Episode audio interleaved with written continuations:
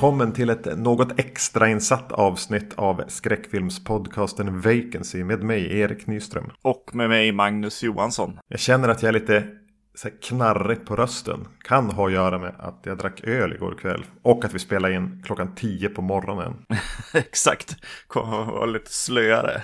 ja, slött och slappt eh, om bioaktuella filmer. Eller de var, är då det när vi spelar in. Vi, vi bara skrev till varandra att jag ska gå på bio, men jag vill också se den filmen. Så det blev eh, att vi gjorde det här avsnittet och vi har sett X från 2022. Alltså, ja, det är ju bio. så jag kanske inte behöver säga där de kommer ifrån. Jag tror att du kan skippa det.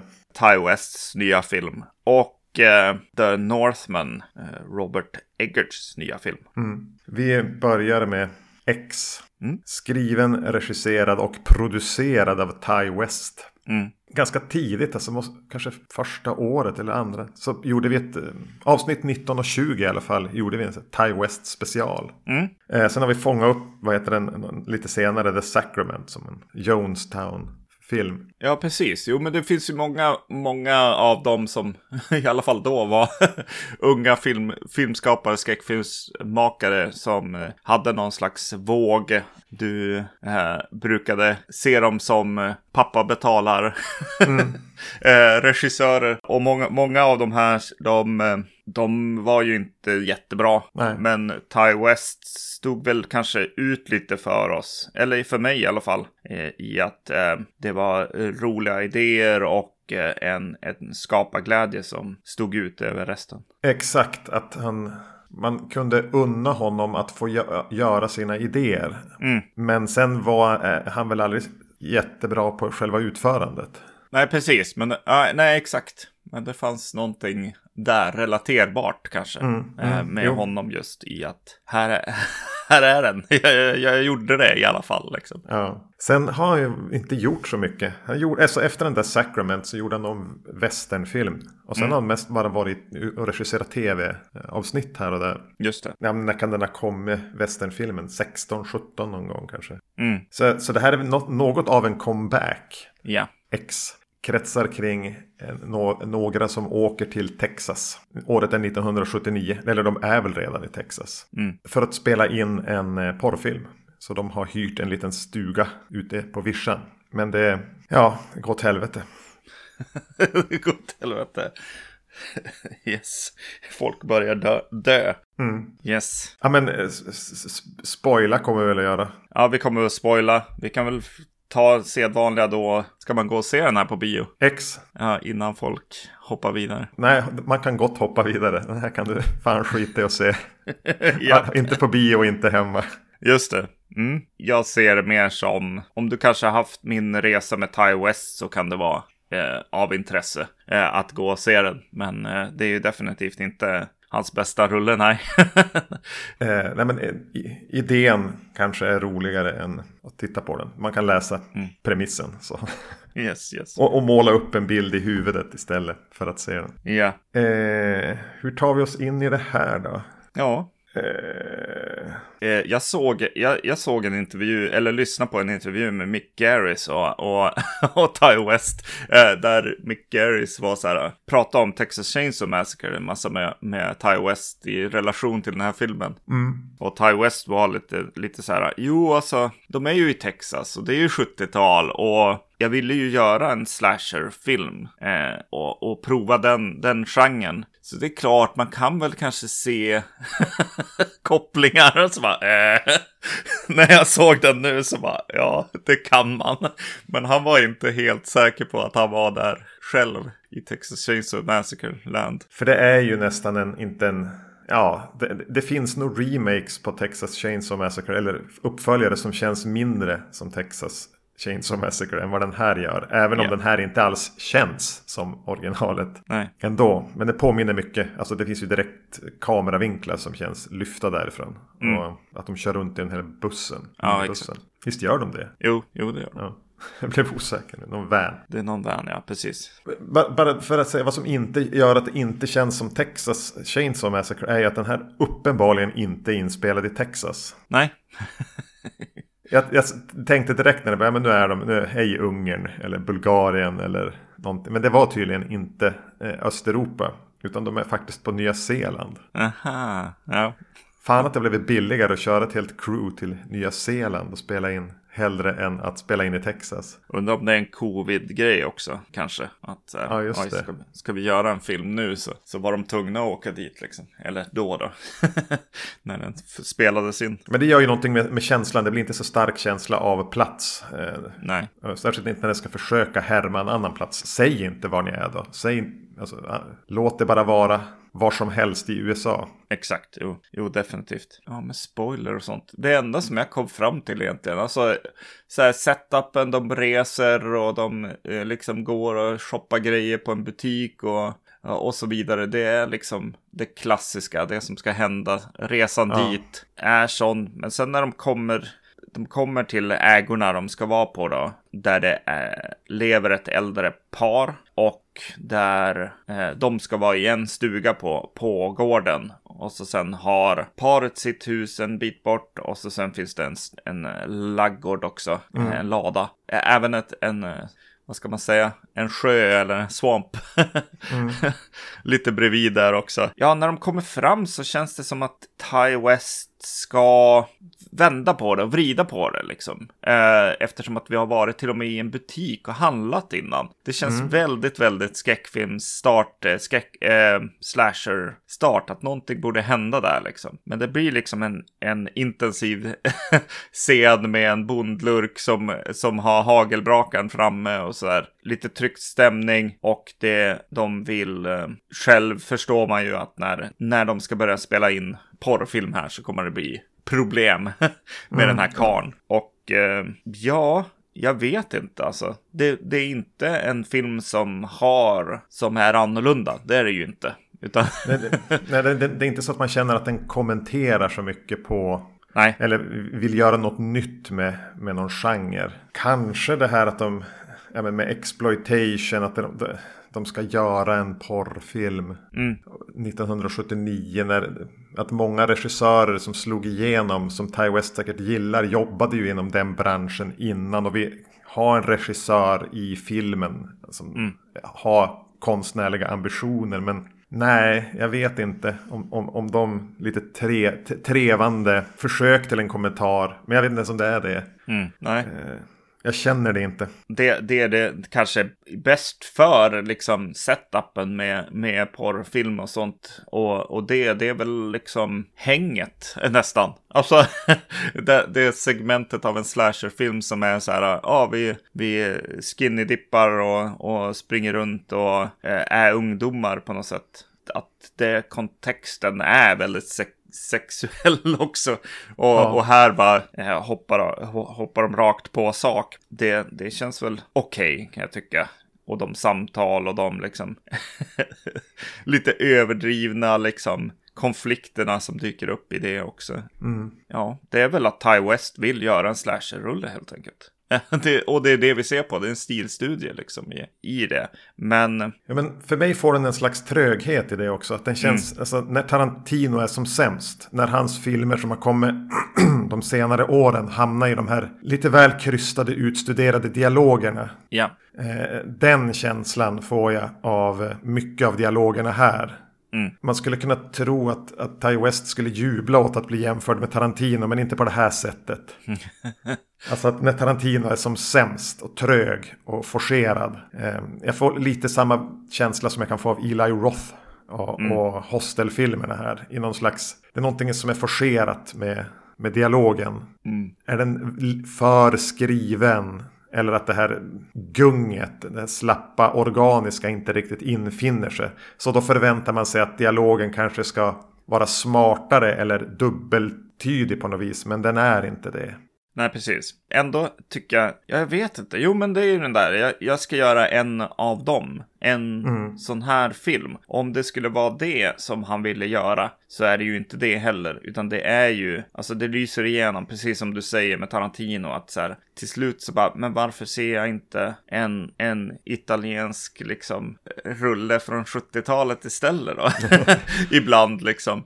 Och eh, eh, nej, precis. Nej, det, kan, det kan hamna där lite grann. Och den, den är ju inte liksom eh, smart eller kommenta- eh, kommenterar eller liksom rolig eller så heller i det. Utan den, den hamnar ju där Alltså den film jag tänkte absolut mest på när jag såg filmen eh, var Children of the Corn Genesis som vi såg från 2011 där ett gäng ungdomar åker till en farm och möter en gammal kar och någonting är fel på, på, på gården eh, och så börjar folk dö typ.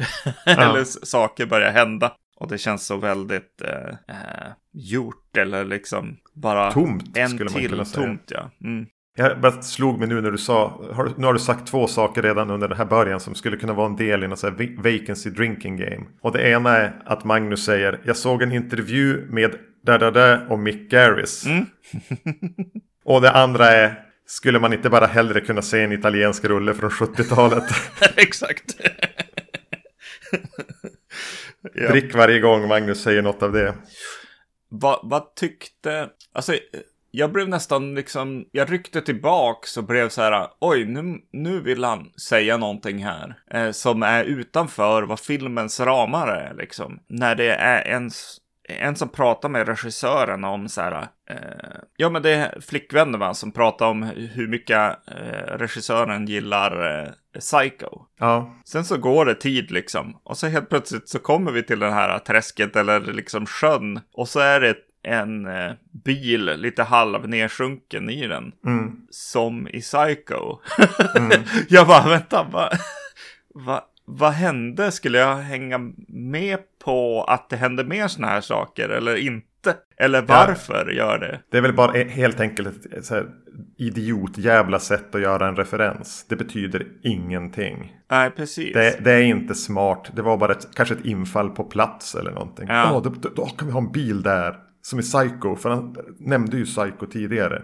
Jaha. Ja, precis. Ja, Bara för att du refererar filmer gör det inte smartare. Ja, exakt. Eh, Det är någon som står uppe i fönstret också vid något tillfälle. Som i Psycho. Men, eh, ja, nej, jag vet inte. det blev väldigt konstigt, ja. Precis, som du säger. Mm. Det som är konstigt här för mig, det är att så här, sen ska den ju övergå. Det är en slow burn som vanligt med Ty West. Det brukar bli så. Eh, det ska byggas stämning och någonting kommer hända, eh, eskalera till någonting. Det är ju lite småmysigt eh, ofta. Men när det väl händer någonting här, min, min, min känsla är att det st- en stor attack händer vid en bil. Jättegross, liksom övervåld. Lyktorna på bilen får så här blod på sig och så att det blir det blir alldeles eh, rött ljus i scenen och så står, står liksom mördaren och hy, ylar nästan i, i motljuset där i, Mm. i det röda ljuset. Där exakt då efter den, den bilden så hade jag nog velat se Directed by Ty West och så sen börjar det scrolla eftertexter. Det, det är någonting med, med att den fortsätter och lägger sina, sina mord och sina skräckgrejer på rad sen efter det här. Eh, man lägger lite så här, eh, ungdomarna är ungdomar och karaktärsbyggande och liksom det här är de vi ska följa. Ligger liksom i jag vet inte vad det kan vara, 40 minuter i början. Eh, Medan en, en slasher-rulle brukar ju vara mord varje, eh, var, varje kvart eller 10 minuter liksom. Och det, det är någonting som blir, eh, som blir styltigt där, eller konstigt. Och en del som, det, som också kan vara där är att första mordet är väldigt bra och chockerande. Så då måste du ju, om du ska göra den här bara sak på sak på sak på sak, då måste du nog öka. Nej, men den har ju stora, stora problem med pacing. ja, Eh, Tempo, eller att filmen har egentligen inget temperament. nej, Den går i samma takt. Från det att den börjar till att den går i mål. Eh, Det, det blir inte den här stegringen, eskaleringen, att det blir någon frenesi. Utan Ty West lunkar på med den här filmen nästan oavsett om de sitter och pratar i en soffa, om de spelar in en porrscen eller om någon blir ihjälhuggen. Eller, Mm. ja, temperamentslös skulle jag säga. Det, Ja. det, det är så slött. Och det här tänker jag koka ner till att han är ingen vidare duktig regissör. Han är ingen, ingen hantverkare. Nej, så är det nog. Han har ju bättre grepp och, och koll på det där liksom i... Han kanske har bättre idéer och bättre liksom genomarbetade saker i House of the Devil och Sacrament kanske också. Att så här, jag vet, jag vet vad jag ska göra här. Här kanske han dju- djupdök lite väl i exercisen. Eller Ja. komma igång igen kanske till och med. Det kanske är det. Otränad. Ja, exakt. Jobbat på, på tv, gjort andras, andras saker. Så han kanske inte haft, haft riktigt, ja men, övat på, på att eh, vara där på något sätt. Jag vet inte. Men vi kan väl gå rakt till det som är för mig kanske det näst största problemet om man eh, bortser från den här eh, usla pacingen. Ja, Och det är gammelsminket Ja. på eh, mördarna. japp. De ser ut som orcher. Ja, just det, precis, exakt. De hittade några av Peter Jacksons gamla kvarglömda orchmasker på Nya Zeeland. Japp. Eh, nej men det fungerar ju inte alls. Och, och det är som att de vet om det och undviker att, att visa dem. Alla andra syns i, i gassande solljus. Alla andra karaktärer utom först då den här mannen. Så man lyckas hitta någon skugga och stå under hela tiden. Eller så vill kameran visa han bara snett bakifrån. Eh, och när man väl får se honom framifrån så vill man ju bara han ska gå in i skuggan igen. Eller, eller filmas lite vagt. Jag förstår inte varför. Eh, eller jo, det, fin- det finns väl en dålig poäng med det. Att, att frun, den andra gamla frun, spelas ju av, av samma skådis som spelar den kvinnliga huvudrollen. Att Mia Goth gör dubbla roller. Och där fanns det väl kanske en idé. Ja, Men om du inte kan genomföra idén, då måste du skrota den. Mm. För nu är det bara distraherande att sitta och titta på eh, de här uppenbarligen yngre skådespelarna. Jag kollar, han som spelar mannen är ändå över 60. Men de har ju då sminkat och latexat och haft sig så att han ska se ut att vara över 80 kanske. Och, och Mia Goth är ju inte ens 30 och ska ju då spökas ut till någon kvinnlig orch. Ja, Med la latex och allting. Och det håller inte. Det är hemskt att, att eh, för att återigen prata om Texas Chainsaw Massacre från 74. eh, Så är makeupen på Grandpa i den bättre än maken här.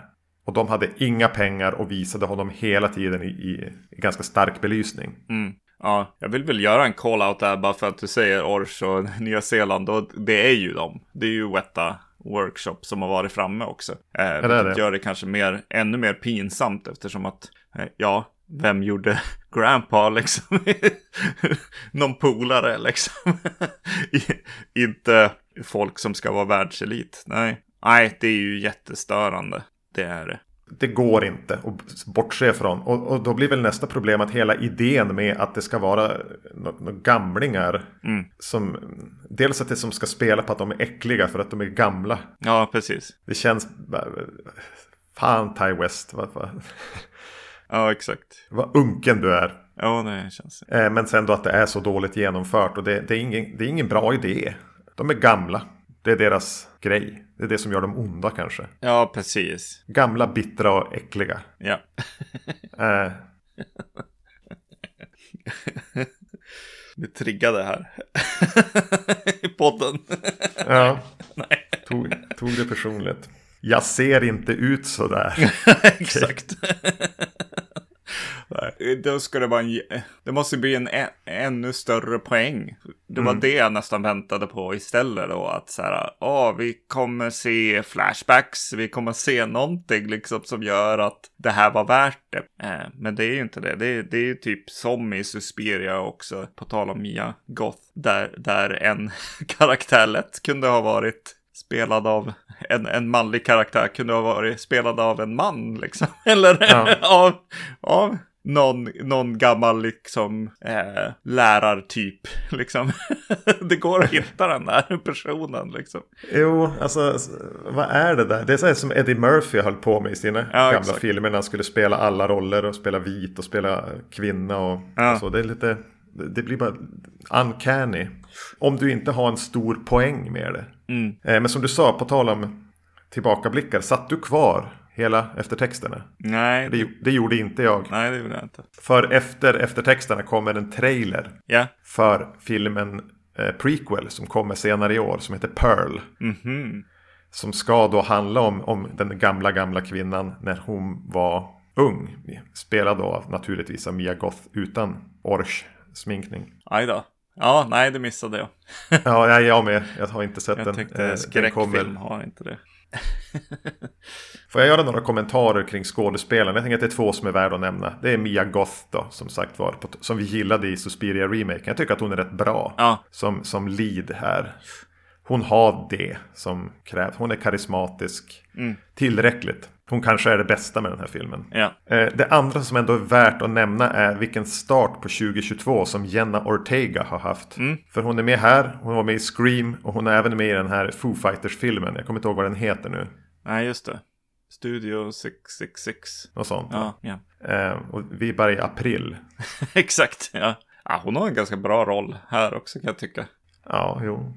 Hon har en... Ja, det är väl nå- någonting som ger, ger filmen, filmen lite liv i, vad heter det, eh, inte liv, utan en, det här gänget som ska åka, åka iväg liksom. Alla är ombord, det kanske är regissören som känner att han, han kanske är och gör någonting som, som inte riktigt är det han hade hoppats på i framtiden. Men det är i alla fall en start på något sätt med det här Ja. med por- porrindustrin och det. Eh, och hans eh, flickvän är ju ljud, ljudteknikern där. Hon, hon har ju en annan syn än resten av gänget på, på det också. Mm. Nej, alltså som sagt var det egentligen det bästa med den. Mia Goth och kanske de här, vad är det, 8 mm, 16 mm bilderna som är fyrkantiga. Det man får se genom, alltså som, som är det de faktiskt filmar.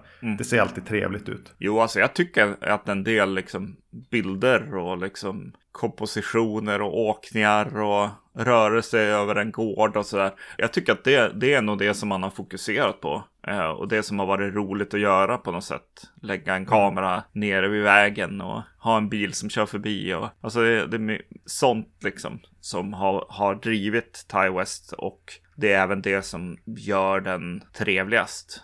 När den, när, den, när den kommer igenom på något sätt. Har Ty West varit i Texas tror du?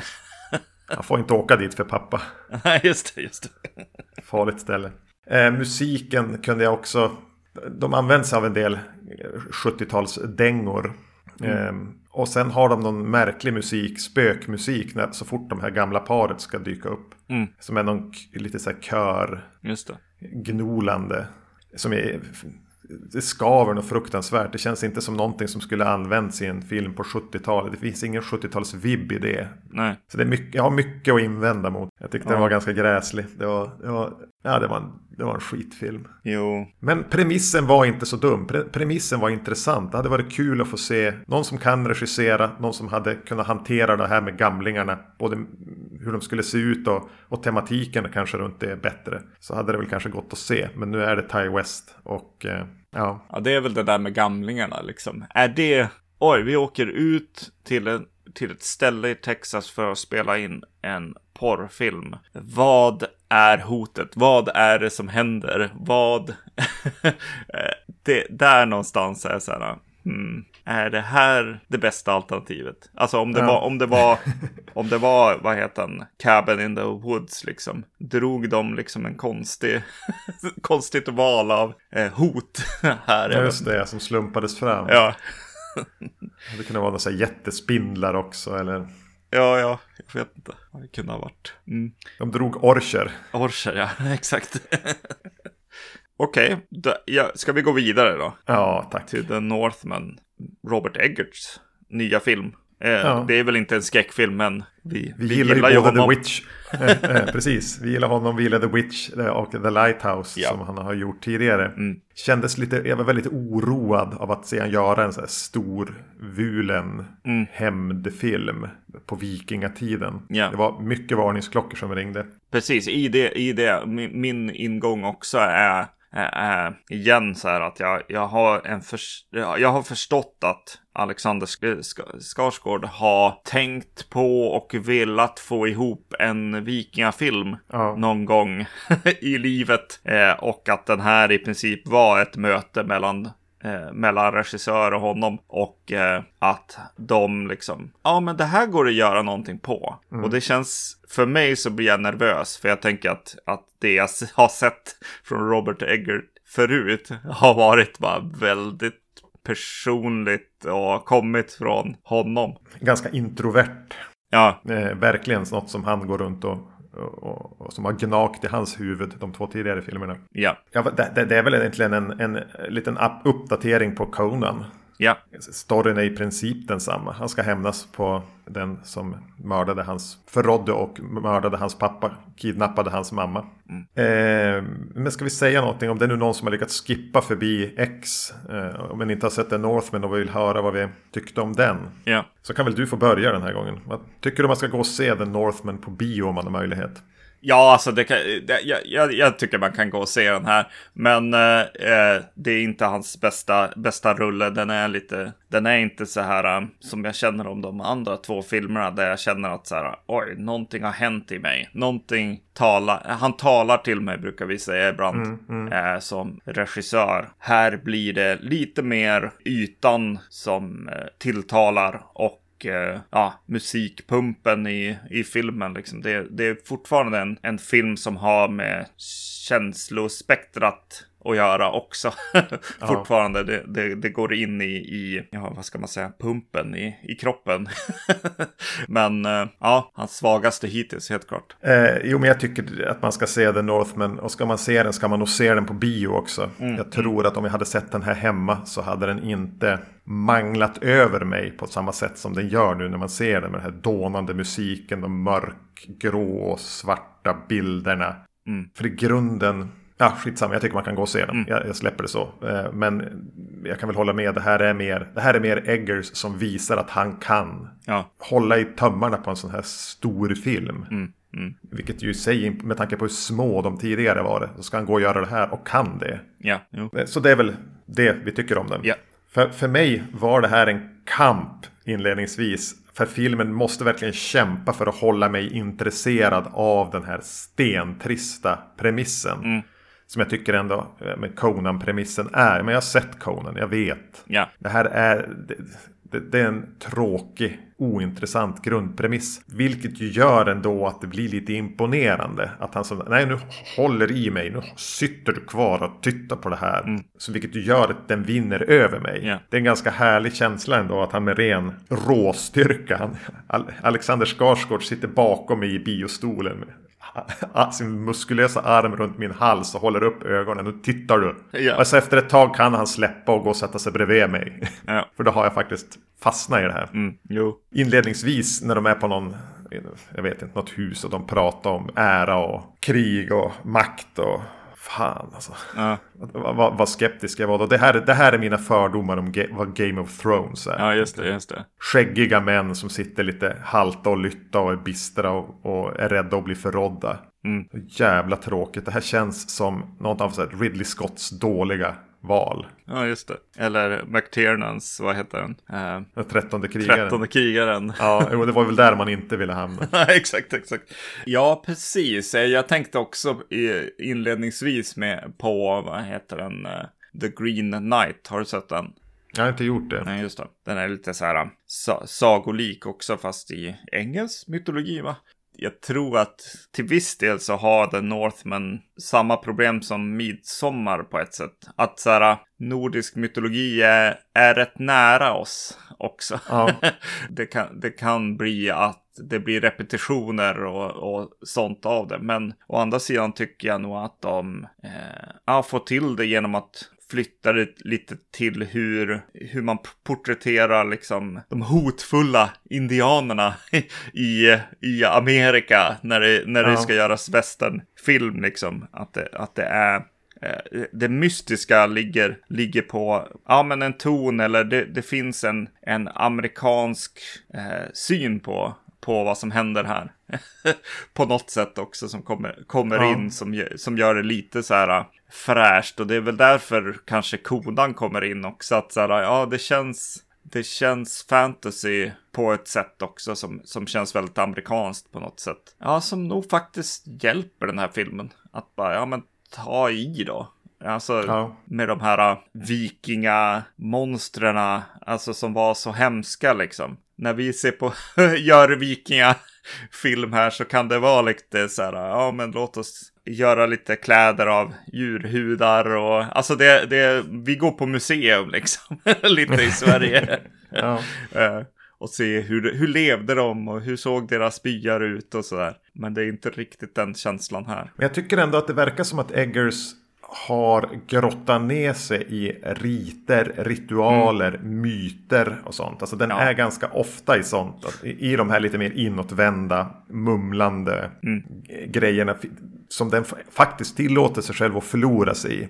Det var väl lite det tror jag som hjälpte mig. Att, att den får bli lite konstig mellan varven. Ja, precis. Det är inte bara en, en maskulin slaktfilm. Nej, exakt. Eh, till och med att, så här, att göra den kontrasten gjorde han ju nästan. Alltså han hade en gycklare med Ja. tidigt. Och hade så här stora festmåltiden efter en strid och eh, som är så här, åh nej, vart ska det här liksom? Och så sen bara vandra ut i skogen till något mystiskt hus med, med sin son liksom. Och där bara ta in den här gycklaren igen med en helt annan roll och, eh, och så. Det, det blir ju, ja, det, där blev det så här, åh gud vad skönt att det, Ja. det ska bli lite, lite så här också. Mystiskt och ritualer och ja, som du säger, på, påläst känslan, alltså som man får i The Witch och The Mm. Lighthouse också på ett sätt. Att han, att han faktiskt har förstått myterna. Mm. Ja. Eh, inte bara ha Wikipedia dem. Mm. Så det är väl det jag tycker är den största styrkan. Om man ska bortse rent från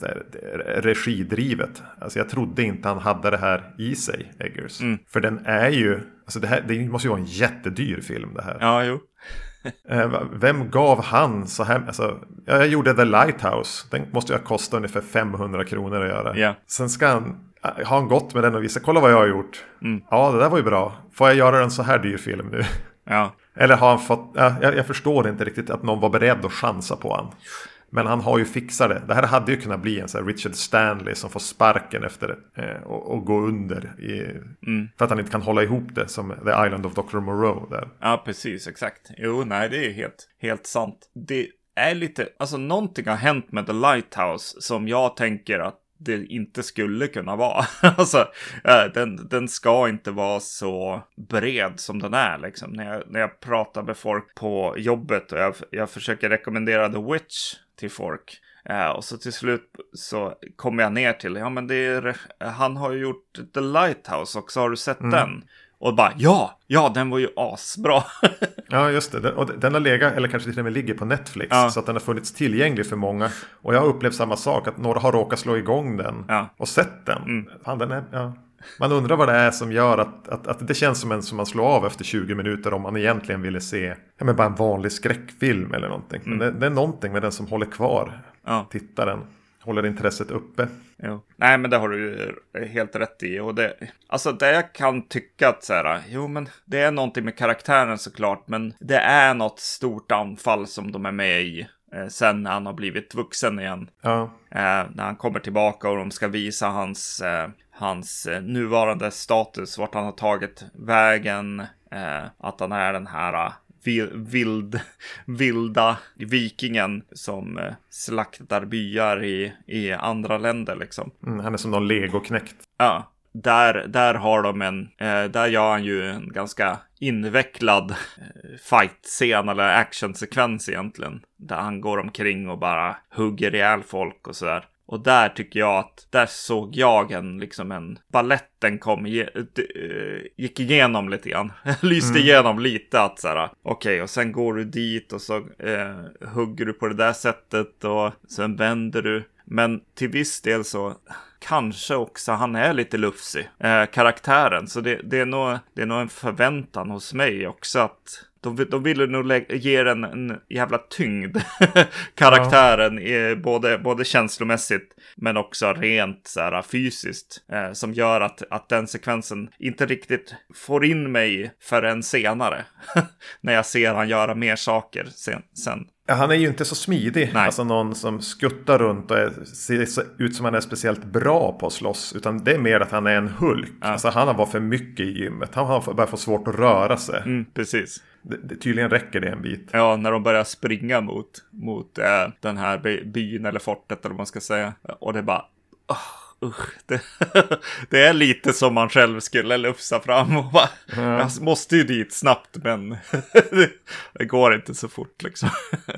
Ja. Men den scenen är ändå ganska snabbt överstökad. Så den hänger ju inte för länge i, i actionsekvenserna, våldssekvenserna. Nej. Utan den vill ju hellre då börja mumla något om, om de riter och sin inre styrka. Eller jag minns inte vad de pratar ja, om. Den vill ju ganska fort bli nördig istället. Ja, exakt. Ja, precis. Just det. Det där Björk dyker upp. På. Ja. Mm, just det. det känns som att han är till fem olika sådana personer. Som Björk och Willem Dafoe och vilka det numera är som dyker upp i några halvhallucinatoriska scener som bara ett ansikte i mörkret. Ja. Som säger någonting om hans öde eller vad det nu är. Jo. Alltså jag måste säga en sak som det är svårt att säga utan att låta elak. Eh, men jag säger ändå. Ja. För mig blir det konstigt att ha med en jätte, jätte plastikopererad Nicole Kidman i en av de viktigaste kvinnliga rollerna. Mm. För det är så tydligt att hon är lyft och lyft och lyft i ansiktet. Ja. Och det limmar lite dåligt med en film som ska utspelas ungefär runt Kristi födelse. Yep, yep. Det tar alltid emot att hålla på och kommentera någon, alltså, utseende på det sättet. Men det blev som en vandrande anakronism där. Mm, mm. Jo. Som, alltså, när de hade kunnat, de kunde ha vem som helst i den rollen. Men jag antar att det var ett alla vill väl ha med Nicole Kidman om man får chansen. Hon säljer väl, fyller väl några biostolar. Ja, exakt. Jo. Men jag hade hellre sett nästan vem som helst annars i den rollen. Ja, jo exakt. Och eh, hon, hon får ju en stor scen och den... Den är väl inte liksom, den behöver ju inte Nicole Kidman per se, nej. nej. det är inte så att ingen har gjort, hållit på en hemlighet liksom. åt, åt tittaren liksom. Eh. Så på något sätt var det, för den känns väldigt sammanhållen och genuin. Ja, den här filmen. Ja, alltså den, den, den, världen sitter ihop. Men för mig så lyser de där, eh, hennes eh, ansikte, stelopererade ansikte. Det är som att hon skulle ha varit i färg i en svartvit film. Eller, eller att hon skulle ha haft en, en pickadoll mm. som vapen. Ja, det är inte samma som med björkscenen hemma. Där jag bara, ja björk, ja just det. Vi blir ju äldre och äldre här. ja, där, där var det. inte björk tror jag. hon verkar inte riktigt åldras enligt samma schema som andra. Jag såg faktiskt inte att det var björk. Nej, just det. Jo, men det var nog det jag tänkte på. Att så här, ja, det är lite mer så här rynkor runt munnen och så där som, som, låt, som hon låter komma fram liksom. Mm. Som kan, kanske inte är helt vanligt att se henne i. Men ja, alltså det är någonting med hämnden också. Det, det är väldigt tur att eh, eh Andrea Taylor-Joys karaktär följer med in i den här eh, jag ska, jag ska eh, Alltså när hämnden börjar så är det, oh, jag, jag klär ut mig till, till typ eh, slav hos, hos eh, han som jag ska döda liksom. Ja. Som eh, Alexander Skarsgård gör. Och om man bara hade följt honom ibland andra slavar på något sätt, eh, namnlösa slavar. Eh, det behöver inte vara Anja Taylor-Joy just, men att man fick en, en till eh, karaktär där. väldigt, väldigt, väldigt skönt. Eh, jo, eh, den spelade ju som samma ackord hela tiden annars filmen. Ja, precis. Det var en lång tid där, där den inte var så mystisk och när den var mer ska han komma på vad han ska, behöver göra och mm. som eh, tog lite tid och det var bra att det kom in en annan röst också där. Och eh, ja, det är inte det att jag säger att det är synd att det är hon. hon, hon, hon ger ju liv till, till saker och ting. Det finns något slags kanske inre djup på något sätt som projiceras in i, i, mm. i, i, filmen kan jag tycka när hon är med i, i, saker och ting. Jag tror att det hade varit svårt. Alltså, där var castingen jävligt viktig. Mm. Eh, när de ska ha de här lite ligga och krama sin geyser-scenerna, alltså typ eh, romantiska scener. Ja. Att, eh, att det hade lätt kunnat börja gå åt helvete där. Om du hade, jag tycker, både Alexander Skarsgård säljer det och hon mm. känns lite grann som hon inte är fullt ut av denna värld. Nej, det är sant. Alltså när du säger, alltså Alexander Skarsgård, han brukar ju liksom känna som en hank, eh, alltså Ja, nu är han ju en Hulk liksom, men han, mm. han, han, han, brukar vara en hank liksom, men, men man fick mycket mer i den här filmen av ett djup, en eh, plågad själ, grejen liksom, mm. och hans, ja, till och med hans ansikte börjar liksom påminna mer om när man ser hans far skådespela. Ja, gud ja. Det var någon, någon av de här långa titta tomt framför sig. Ja. Och kameran zoomar in på hans bekymrade, åldrade. Herregud vad lika börjar bli Stellan. Ja, exakt. Jo. Jag tänkte, ska de göra en grej med det? Ja. Så ska de låta han ål, alltså, åldras eller? Jag har aldrig tänkt på honom som pappalik, men... Nej, precis. Nej, jag har inte tänkt det heller. Men ja, precis. Jo, men det är väl det där vid, vid, vid den där middagen. när de sitter, Eggert och eh, Skarsgård. Och Skarsgård, min, min förutfattade mening är, jag vill göra en vikingafilm. En cool Ja. Konan-grej eller någon slags så här, äh, actionspektakel liksom. Men det var ju en förutfattad mening känner ju jag nu. Men, och E- Eggert och han. Eggers. Eggers, ja, precis. De gör, ja, det hände någonting där. Eh, Ja. Helt klart med båda Jo, men två. då kan man väl... Jag tror jag man kan lita på en Skarsgård i vad gäller idéer. Tror du inte det? Att de ändå har någon slags integritet. Alltså det är inte så att han bara, nu ska jag bara få skaffa mig groupies-filmen ska göra så här. Mm. Får han komma med en idé så, och vara med och driva så tror jag det kanske mer drar åt ett sånt här håll. Mm. Lite konstnärligare än åt, eh, ja, visa upp han i, visa upp han och hans muskler. Jo, precis. Men han har ju mest varit i det. Så att eh, det har väl varit lite, s- eh, ja, för mig var det nog lite svårt att komma, komma dit med, med trusten fullt ut helt enkelt. Från hunk till hulk. Ja. Ja. Det, det, ja, precis, exakt. Det är som att eh, gy- gymma upp, bli ett stort liksom muskelberg. Kan också vara på film att eh, fu- fula ner sig lite. Det är lite intressant. det, är, det används ofta åt andra hållet liksom på något sätt. Att eh, bi- biffa till sig helt enkelt. Här, här blev han, fick, fick han ett annat dju- djup på något sätt kan jag tycka. Jo, alltså det, det är ju någonstans där det finns en gräns mellan att vara vältränad och att vara mer som ett djur. Ja, exakt. Du Jo. slutar vara en sexsymbol, du blir, det blir lite obehagligt. Ja. Och han har ju gått över den. jo, och det är nice. Ja. Tackar vi honom för. yes. Ja, Alltså jag vet inte om jag har så mycket mer att säga om The Northman. nej. Alltså som, som helhet så är den ju imponerande. Mm. Den är, det, det är ett driv, den hänger ihop, den är kompromisslös, väl genomförd. Både, alltså både bild, bild och ljud och musik och skådespel. Det, det är inte så mycket att, att anmärka på. Sen är det inte så intressant historia. Nej, precis. Nej, det är det inte. Men jag satt faktiskt kvar då till skillnad från när jag hade sett X så ville jag bara ut ur salongen. Eh, och missade då den här trailern eh, efter eftertexterna. Medan Northman satt jag kvar för jag ville lyssna på musiken. Jag ville få den här dundrande mörka folkmusik. Skölja över mig. Det var en ganska härlig att vara i. Mm. Jo, det är ju det här härliga. Alltså på, på ett sätt en variant på de här stora brass, liksom hornen som ljuder lite då och då i, i, filmer där det blir så här, där det ska bli pampigt liksom. Men den, den ligger, det ligger ju och liksom bara tar över hela, hela biosalongen och det skakar lite i stolen och Liksom, Det blir ju mastigt och liksom känslomässigt. Den hjälper på den, det planet, alltså vad jag känner i scener och sånt. Där, där, där andra så här, swords and sandals eller vad man ska kalla det av liksom. Där det, när det är lite brutes som är ute och, och eh, skriker och beter sig ma- som man, män. det är någonting där som brukar kunna saknas helt enkelt. Alltså det finns ett inre som ändå kommer fram via musik, bilder, eh, val av hur kameran tittar och hur länge. Och Alexander Skarsgårds skådespeleri såklart också. Och, hela hans, hur han posar, hur han liksom ligger, lägger huvudet liksom ner. Som att han försöker gå in genom en, en dörr som är lite för låg hela tiden. I, I hela sin själ liksom. Det är snyggt och det är ju det som, det är ju där han är, eh, Robert Eggers är så stark. Att han kommer in i känslorna hos mig.